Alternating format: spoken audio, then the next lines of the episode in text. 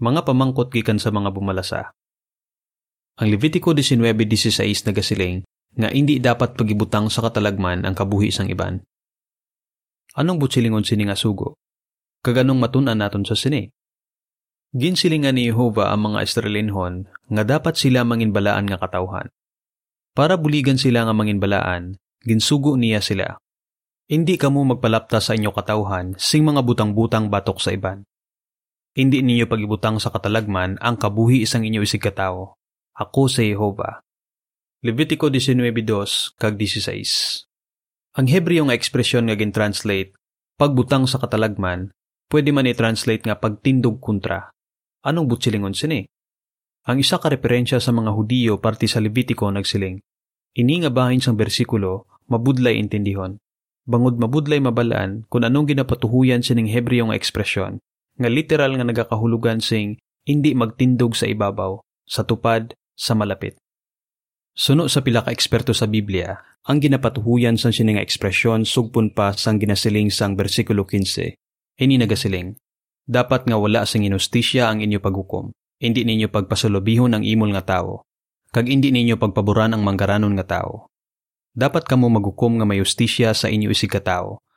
Levitico 19.15 Kung matuod ini, ang sugo sa bersikulo 16 nga hindi pagibutang sa katalagman ng iban mahimo hangpon nga hindi dapat magdinaya ang katawhan sang Dios sa korte, sa negosyo o kun sa pamilya.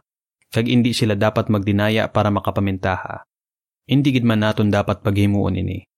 Pero may mas maayo nga paagi para mahangpan naton ini nga ekspresyon sa bersikulo 16. Binagbinaga ang ginasiling sa umpisa sini nga bersikulo. Ginsugo sang Dios ang iya katawhan nga hindi nila pagbutang-butangan ang iban. Kung ginakutsukutso sang isa ka tawo ang iban, mahimo ini magresulta sa mga problema. Pero mas malain pagid kung ginabutang-butangan niya ang iban o kung ginapasipalahan. Kung ginabutang-butangan sang isa ka tawo ang iban, hungod siya nga nagahimo-himo sang istorya para gubon ang reputasyon sang iban. Mahimo nga magbinutig siya sa iya testimonya parte sa isa ka tawo.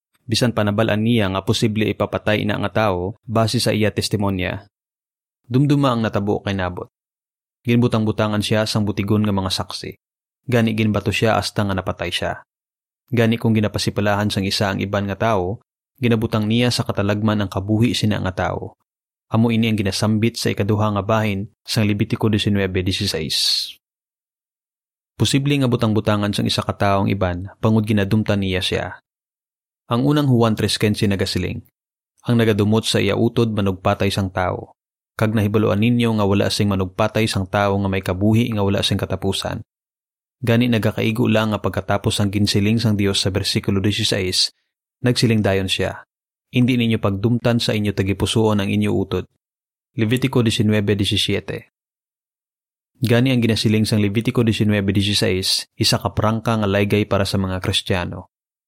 Dapat naton isikway ang malain nga mga pangunahuna kag hindi gid naton dapat pagbutang-butangan ang iban. Kung ibutang naton sa katalagman ng iban, o kung butang-butangan nato ng isa katao bangod wala kita na namian sa iya, o kung nahisa kita sa iya, posible ginapakita sini nga ginadumtan naton siya.